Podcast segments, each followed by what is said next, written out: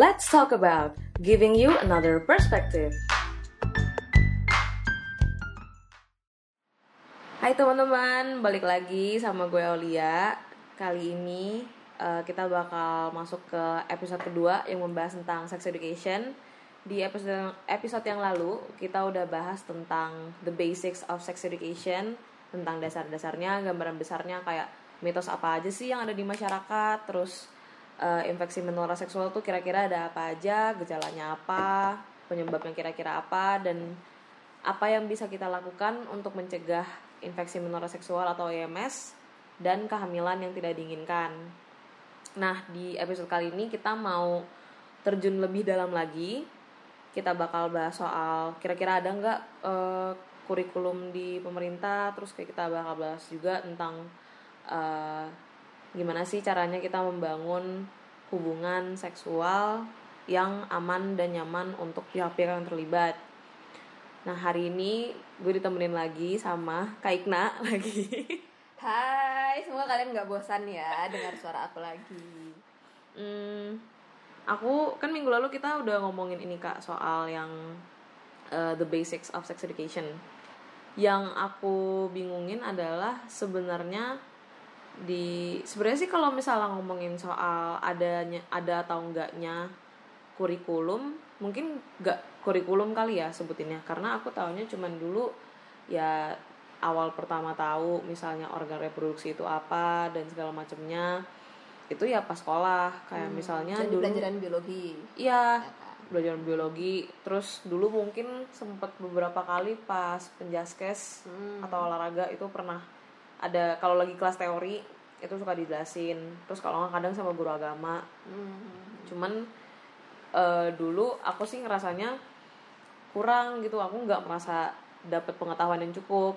Nah waktu itu aku juga sempat bikin ini sih kayak survei atau polling kecil-kecilan gitu di Instagram. Aku nanya sama temen-temen gue kayak uh, kalian pernah gak sih dapat uh, pelajaran terkait tentang kesehatan seksual organ reproduksi? Terus dapat tadi pelajaran apa dan setelah kalian dapat pelajaran itu kalian nyari lagi atau merasa oh udah deh udah cukup gitu. Gue udah tahu. Cukup nih pengetahuannya. Terus uh, banyak dari temen-temenku yang jawab itu kayak gue nggak merasa ini cukup. Akhirnya gue nyari tahu lagi. Kayak misalnya nyari tahu entah ke temen atau misalnya dari film. Film kan sebenarnya juga beberapa ada ya yang masukin misalnya uh, sex scene yang kayak gitu gitu hmm.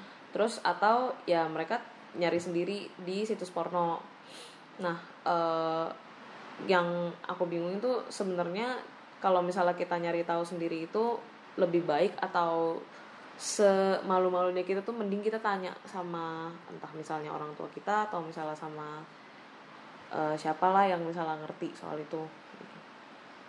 Oke. Okay.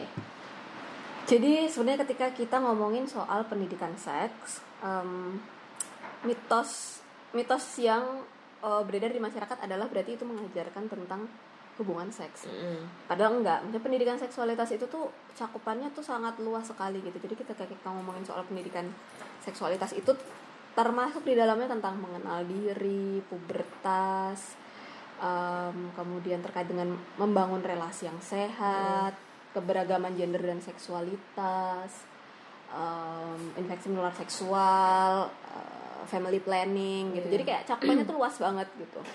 Jadi ketika misalnya uh, orang pengen tahu pen, pengen tahu pendidikan seks dan larinya ke video uh, blue film gitu misalnya mm -hmm. itu kan berarti nggak tepat gitu karena itu berarti hanya a, a, a very small part of sexual education mm -hmm. gitu pun kita nggak bisa bilang yang ada di situs-situs uh, video porno itu adalah uh, ajaran tentang hubungan seks yang baik ya karena kan kalau misalnya kayak kita ngelihat di situs-situs uh, video porno kan banyak tuh misalnya kayak sub-subnya ya kayak judul judul eh, bukan judul judulnya tapi kategori kategorinya uh, kategori, uh. gitu dan sebenarnya kan kebanyakan di situ tuh yang mengandung unsur-unsur ke kekerasan gitu hmm. atau misalnya mengandung unsur paksaan atau uh, bahkan maksudnya kayak di beberapa di banyak video pun ada yang misalnya itu memang hanya memuaskan fantasi gitu loh kayak misalnya dilakukan dengan anak kecil dilakukan oh, dengan iya, anak iya. remaja um,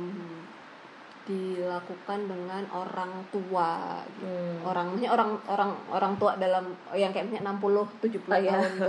ya emang hanya untuk memuaskan fantasi gitu lah ketika kita ngomongin soal fantasi seksual gitu ya itu hanya part bagian kecil sekali ketika kita ngomongin soal pendidikan seksualitas Hmm, hmm, gitu jadi ketika tadi kamu tanya harusnya kita nanya ke siapa ya kalau misalnya kita pengen tahu nah kadang-kadang yang kita pengen tahu ini pun eh, kita sendiri merasa eh, aneh kalau misalnya harus nanya ke orang tua Iya, gitu kan. iya.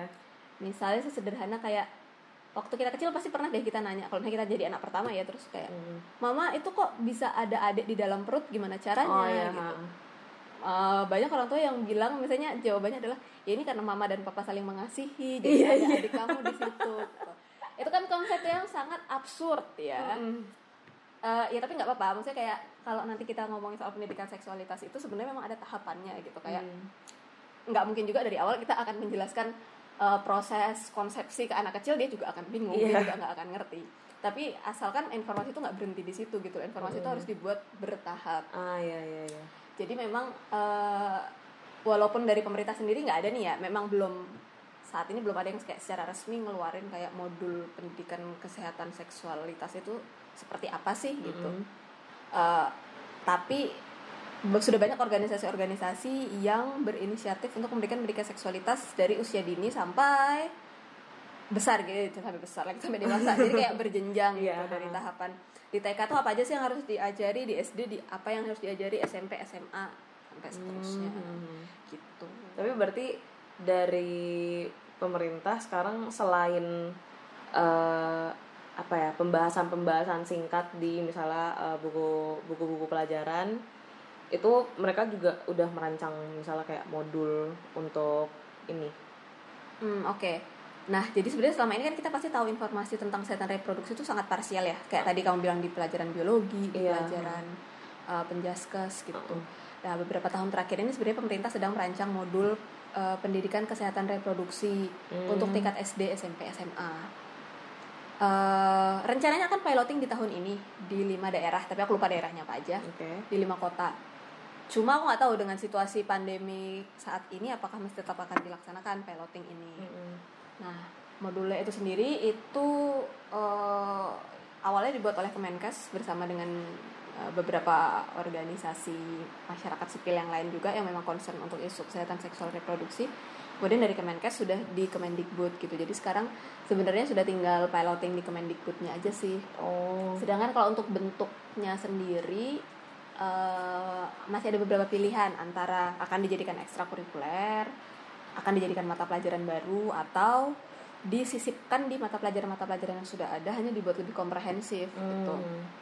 Karena kan kalau misalnya kita hanya eh, berpegang pada kurikulum yang ada saat ini tuh misalnya tentang pubertas itu diajarkan di pelajaran biologi ya Iya. di bab perkembangan manusia misalnya. Pun itu kan hanya bab yang sangat kecil dan sedikit gitu informasinya nggak banyak kan yang kita tahu Iya, dari situ. Kayak dia hanya ngebahas soal perubahan fisik. Padahal selain perubahan fisik ada perubahan psikis juga. Terus uh, kalau di modul di modul-modul yang saat ini ada uh, misalnya kalau kayak di organisasiku di aliansi satu visi itu kita pakai modul namanya setara Mm-mm. Nah, di situ itu eh, ketika kita ngomongin pubertas itu nggak cuma apa sih yang berubah di fisik, tapi yang berubah di psikis apa dan bagaimana cara kamu bisa menyikapinya Mm-mm. gitu. Karena kan em, memang ketika kita tadi ngomongin soal apa psikologi perkembangan di masa remaja itu karena ada perubahan hormon dan lain sebagainya kan kayak muncul nih jiwa-jiwa rebelnya, jiwa-jiwa ingin tahu dan lain sebagainya. Nah, karena kita misalnya nggak tahu nih harus ngapain dengan perubahan-perubahan ini, ya tadi akhirnya misalnya kayak jadi kecanduan video porno, jadi Hmm. menerapkan apa yang ada di video porno dalam kehidupan sehari-hari. Iya iya iya. Kemudian uh, apa? Ya melakukan hal-hal beresiko lainnya gitu. Hmm. Tapi selain dari pemerintah sendiri, sebenarnya ada nggak sih misalnya organisasi masyarakat atau eh, komunitas gitu yang juga ngebantu soal misalnya sosialisasi untuk pendidikan seksual? Uh, ada dan uh, ya nggak bisa bilang banyak sih tapi misalnya kayak kalau di uh, di aliansi satu visi sendiri kan kami ada 20 organisasi Mm-mm. sebagian besar memang memberikan pendidikan kesehatan reproduksi either itu dalam bentuk yang komprehensif komprehensif itu maksudnya misalnya em, dalam satu modul ada 12 bab 12 12 nya diajarkan kepada Hmm. remaja atau secara parsial misalnya dengan mengisi seminar, hmm. mengisi diskusi-diskusi di komunitas gitu banyak gitu. Nah, misalnya sendiri kalau uh, di Aliansi Satu Visi sendiri misalnya ada beberapa organisasi kayak misalnya ada PKBI, ada Rutgers, ada uh, apa lagi? Uh, apa namanya Rifka Anissa, IHAB dan lain sebagainya. Nah, itu yang di aliansi satu visi sendiri. Sedangkan oh. kalau yang di luar itu ada banyak juga kok organisasi-organisasi lain yang memang memberikan edukasi soal ini. Oh, tapi organisasi itu jatuhnya cuman untuk bantu penyuluhan doang? Atau ada nggak sih kira-kira organisasi yang juga misalnya menyediakan uh, fasilitas cek HIV atau misalnya fasilitas cek IMS gitu? Karena aku sempat waktu itu sempat browsing browsing terus ada satu organisasi yang NGO yang dia tuh gerak di bidang uh, kesehatan reproduksi juga terus dia tuh nyediain untuk uh, cek gratis HIV Nah, kalau misalnya yang organisasi yang tadi kakak sebutin ada nggak sih yang juga kayak gitu? Ah, maksudnya untuk layanannya ya? Iya. Nah, kalau di ASP sendiri itu um, ada beberapa yang punya klinik, kayak misalnya PKBI. Mm-hmm. Ada kalau di Jakarta tuh ada PKBI DKI, terus kemudian kalau di Semarang tuh ada PKBI Jawa Tengah, ada di Jogja ada PKBI DIY. Terus sebenarnya eh, banyak PKBI itu yang punya klinik. Jadi kalau misalnya teman-teman yang ada di daerah uh, bingung mau cek ke mana, itu sebenarnya bisa ke di PKBI. PKBI. Okay uh, itu layanannya bisa kita bilang layanan yang uh, cukup ramah lah maksudnya ramah dan tidak judgmental maksudnya tidak akan menanyakan yeah. soal oh kamu kok belum menikah tapi mau tes ini sih nggak akan kayak gitu uh, pun sebenarnya organisasi-organisasi di ASP sendiri juga kerja bareng dengan uh, puskesmas puskesmas mm. jadi uh, bagaimana supaya puskesmas puskesmas yang ada ini bisa memberikan layanan yang ramah dan tidak judgmental Oke. Okay. Nah, jadi di beberapa daerah yang ada intervensi programnya uh, layanan puskesmasnya udah lumayan baik nih, misalnya kayak di Denpasar, hmm. di Semarang, di Kupang, oh. uh, di Jakarta. Nah, di Jakarta udah banyak kok puskesmas yang lumayan uh, oke okay untuk layanannya. Aku pernah nyobain juga lah beberapa kali di beberapa puskesmas yang. Berarti bisa dibilang kalau misalnya untuk teman-teman yang mau cek uh, kesehatan reproduksi atau misalnya cek EMS itu udah banyak lah ya maksudnya layanan-layanan yang menyediakan itu Hmm, misalnya itu kalau apalagi kalau di Jakarta sih lebih banyak lagi ya. Misalnya ada kita tahu ada angsa merah. Oh iya. Kemudian ada apa namanya klinik Globalindo kalau nggak salah namanya. Iya kayaknya Jadi, aku tahu deh. Uh, ada ada banyak kalau kamu di Jakarta banyak banget pilihannya mau dari yang uh, harganya murah sampai yang mahal itu semuanya ada. Oh ya terus uh, ini kita ganti topik nih kak. Hmm. nah aku tuh kemarin di twitter sempet lihat soal kasus ini cukup viral sampai pelakunya juga sampai identitasnya diekspos dan segala macamnya. Itu uh, jadi tuh ceritanya dia tuh pacaran sama uh, ini pacarannya perempuan dan laki-laki. Hmm. terus uh, si perempuannya ini uh, akhirnya dia cerita ke publik gitu. Dia berani cerita ke publik kalau kayak bukan cerita ke publik sih dia cerita ke temennya terus temennya yang bantu untuk share di twitter. Hmm. dia cerita lah kayak oh ya ini uh, dia pacaran sama cowok ini.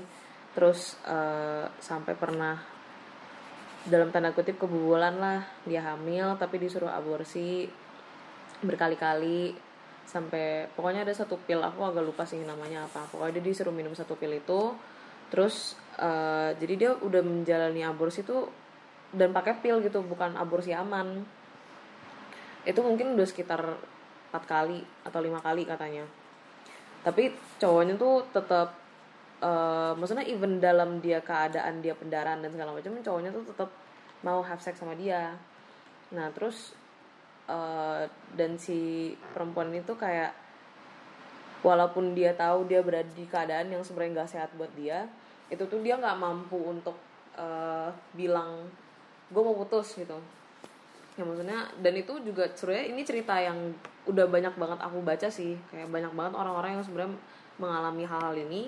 Tapi mereka tuh antara mereka nggak berani ngomong atau misalnya merasa lah kan maksudnya dulu dulu juga gue mau dan gue biasa aja masa sekarang gue bilang gue gak mau yang kayak gitu loh kak nah maksudnya uh, kenapa sih sebenarnya bisa sampai kejadian hal-hal yang kayak gitu oke okay. um, sebenarnya ketika kita ngomongin tentang uh, hubungan seksual ya Mm-mm. uh, sayangnya ya tadi karena pendidikan Kespro itu dianggap tabu dianggap hanya akan mendidik soal seks sehingga akhirnya kita tidak belajar untuk mengenal diri mengenal batasan diri menghargai diri sendiri Hmm. berkata tidak pada orang lain memberikan konsen kepada orang lain sehingga akhirnya itu berdampak banyak pada kehidupan kita sehari-hari gitu Uh, termasuk di kehidupan uh, seksualitas gitu Mm-mm. kan banyak banget juga ya mitos yang muncul kayak misalnya kalau lo sayang sama pasangan lo maka lo akan mau melakukan hubungan seksual sama dia jadi kayak Mm. hubungan seksual itu sering kali dipakai untuk uh, sebagai penanda memang lo sayang sama pasangan Iya. gitu. padahal kan ya harusnya nggak gitu gitu itu kan salah satu mitos yang memang harusnya sudah kita hancurkan sejak lama gitu harusnya Mm. berhubungan seksual itu ya ketika kamu siap dan mau gitu dan um, akhirnya pun ini terbawa misalnya kayak sampai ketika uh, seseorang memutuskan untuk menikah gitu Iya. ya oh artinya kalau sudah menikah berarti kamu harus melakukan hubungan seksual dengan suamimu karena kan dia sudah pasangan sahmu nggak boleh nolak gitu nggak ya boleh nolak karena itu juga tugas istri misalnya Hmm. dibilang begitu padahal ya enggak pun kamu mau menikah atau tidak ada statusnya atau tidak semuanya itu harus tetap berdasarkan konsen gitu karena kan Hmm. maksudnya ya aku sayang sama kamu tapi hari ini aku lagi capek jadi aku nggak mau berhubungan seksual ya Iya. itu sangat sah gitu dan eh, kedua belah pihak harusnya ya sama-sama sepakat gitu tapi lagi-lagi kalau kita ngomongin soal seksualitas ini em, di situasi budaya di mana eh, perempuan itu sangat eh, perempuan itu masih diopresi ya Mm-mm. untuk berbagai hal termasuk untuk seksualitasnya sehingga kan cenderung memang laki-laki ini yang eh, menonjol untuk mereka bisa secara gamblang mengatakan wah gue udah nges- eh, ngewek sama si ABCD Mm-mm.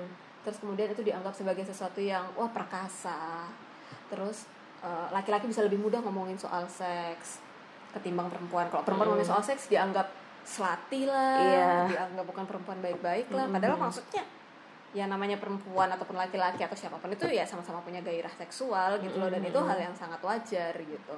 Cuma ya tadi perempuan tuh kemudian kan diopresi untuk menjadi perempuan yang baik-baik kamu nggak boleh menunjukkan gairah seksual gitu. Iya. kamu nggak boleh minta duluan. Hmm. Eh, kamu ya nggak boleh. Ya banyak lah pokoknya pantangannya kan Iya, untuk eh, perempuan itu tadi Heeh. gitu.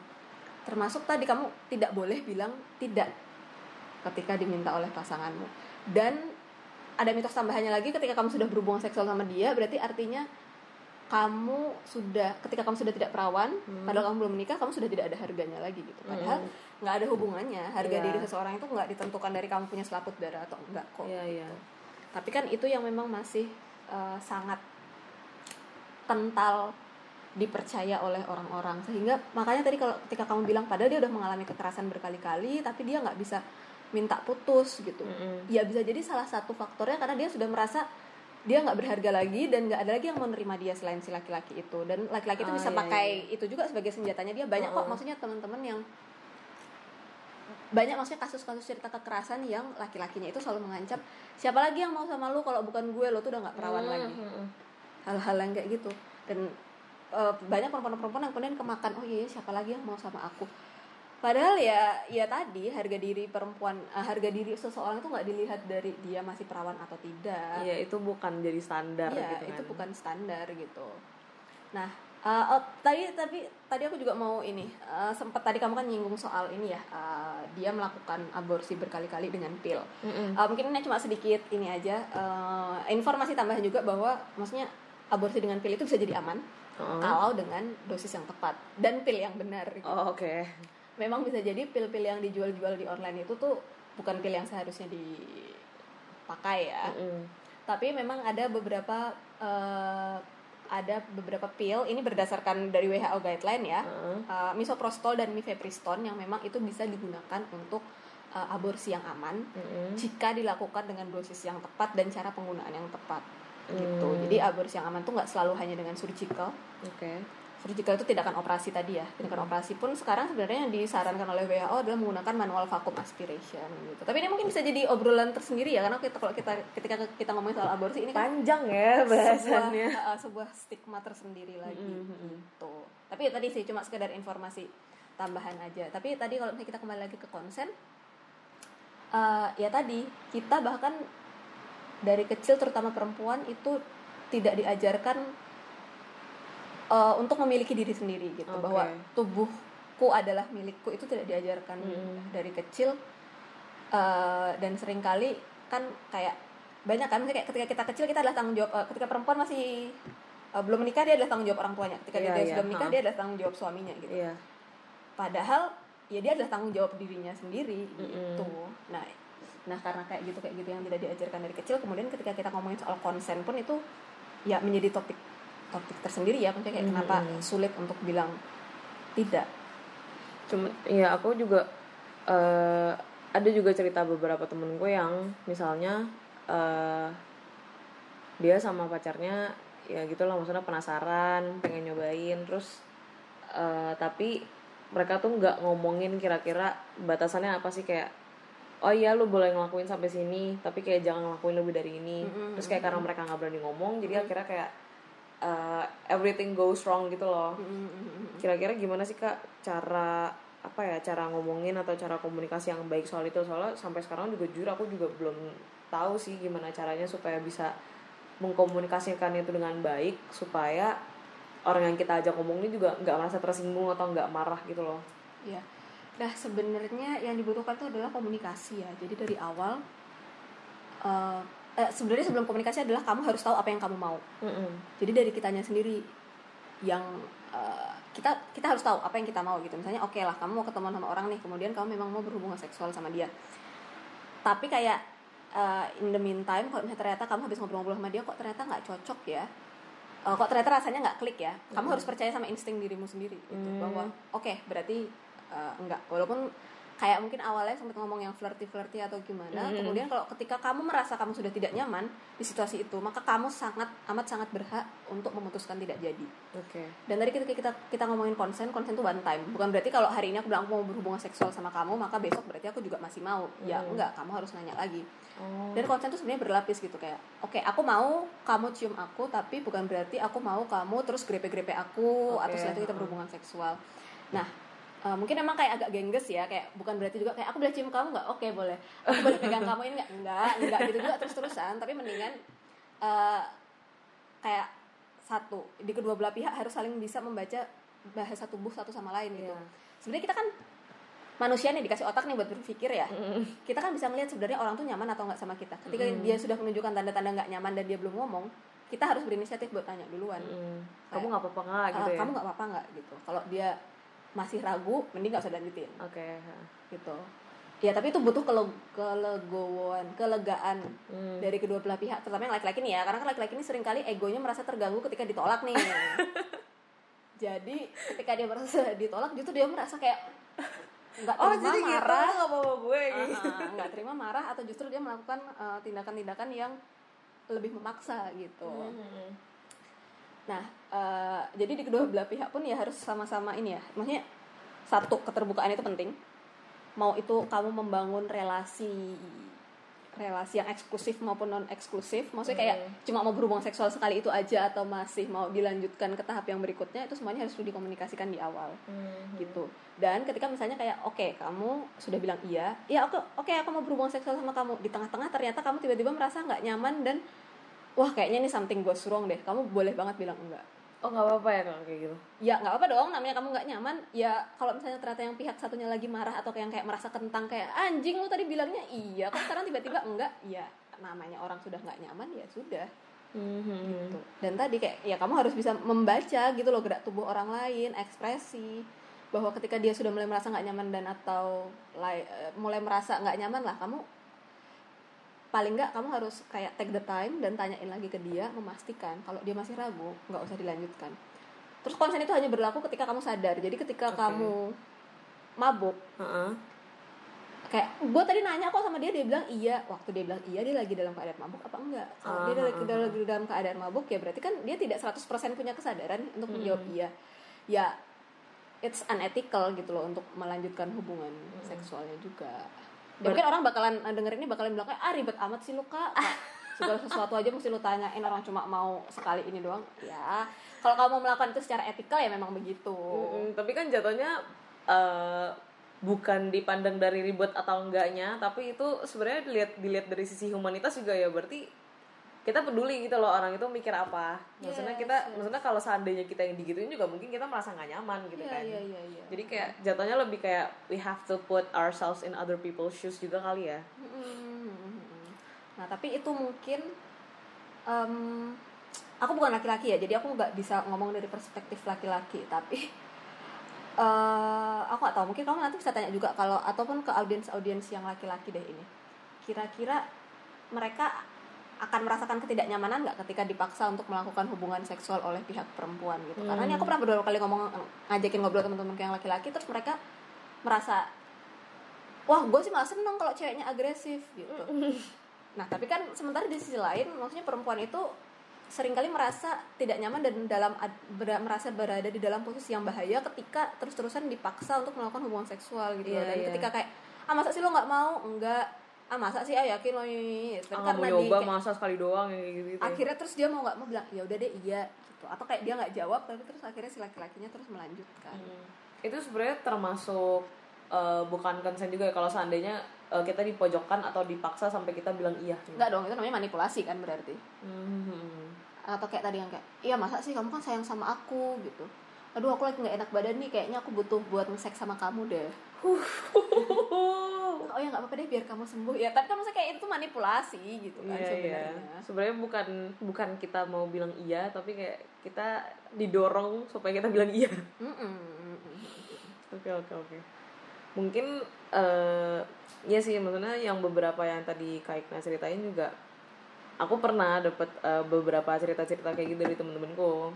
Jadi kayak ada beberapa yang ngerasa kayak ya iya sih kayak dia nanya berkali-kali awalnya gue nggak mau terus eh, gue akhirnya bilang iya.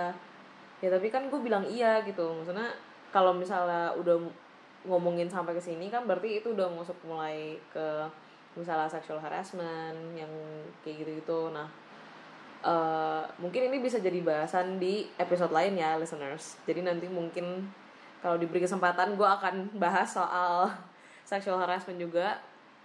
Eh, cuman ya eh, itu sih yang mungkin eh, belum orang-orang banyak yang tahu kalau kita punya hak untuk merasa ya ini nggak benar ini nggak adil buat gue. Karena sebenarnya gue nggak mau bilang iya gitu. Jadi banyak maksudnya aku juga pernah dapet cer- cerita beberapa kali dan aku juga pernah ngerasain sendiri.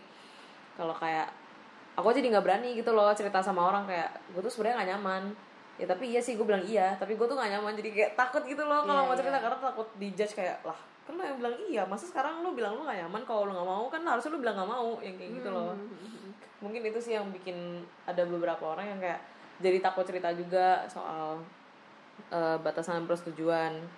Cuman mungkin dari yang aku tangkap berarti yang paling penting itu jujur dan komunikasi sama pasangannya. Yes, Eh, pokoknya komunikasi itu harus seterbuka mungkin dari awal gitu. Termasuk kayak misalnya eh, kalau dan, kita tadi ya harus paham dulu kamu eh, kita itu maunya apa. Mm-mm. Ketika kita tahu kita maunya apa, jadi ketika orang melakukan hal yang nggak kita mau, kita bisa secara tegas bilang, oh nggak ini sudah di luar limit gue gitu, ini udah di luar hal yang gue izinkan, jadi gue harus bilang enggak gitu. Nah, ketika kita masih belum tahu kita maunya apa, jadinya ya tadi kita bisa jadi ngeraba-raba bimbang- juga bimbang gitu juga. Mm. Heeh. dan eh, dan tadi ya maksudnya kayak eh, kita harus tahu kapan kita dimanipulasi nih Mm-mm. dan juga eh, tadi konsen itu bersifat satu kali saja dan berlapis oke itu yang harus diingat sama orang dan kayak kalau di tengah-tengah kamu oke kamu tadi di awal sudah memberikan konsen kemudian kamu merasa tidak nyaman kamu amat sangat boleh untuk menyetop itu dan percayalah pada instingmu Hmm, oke oke.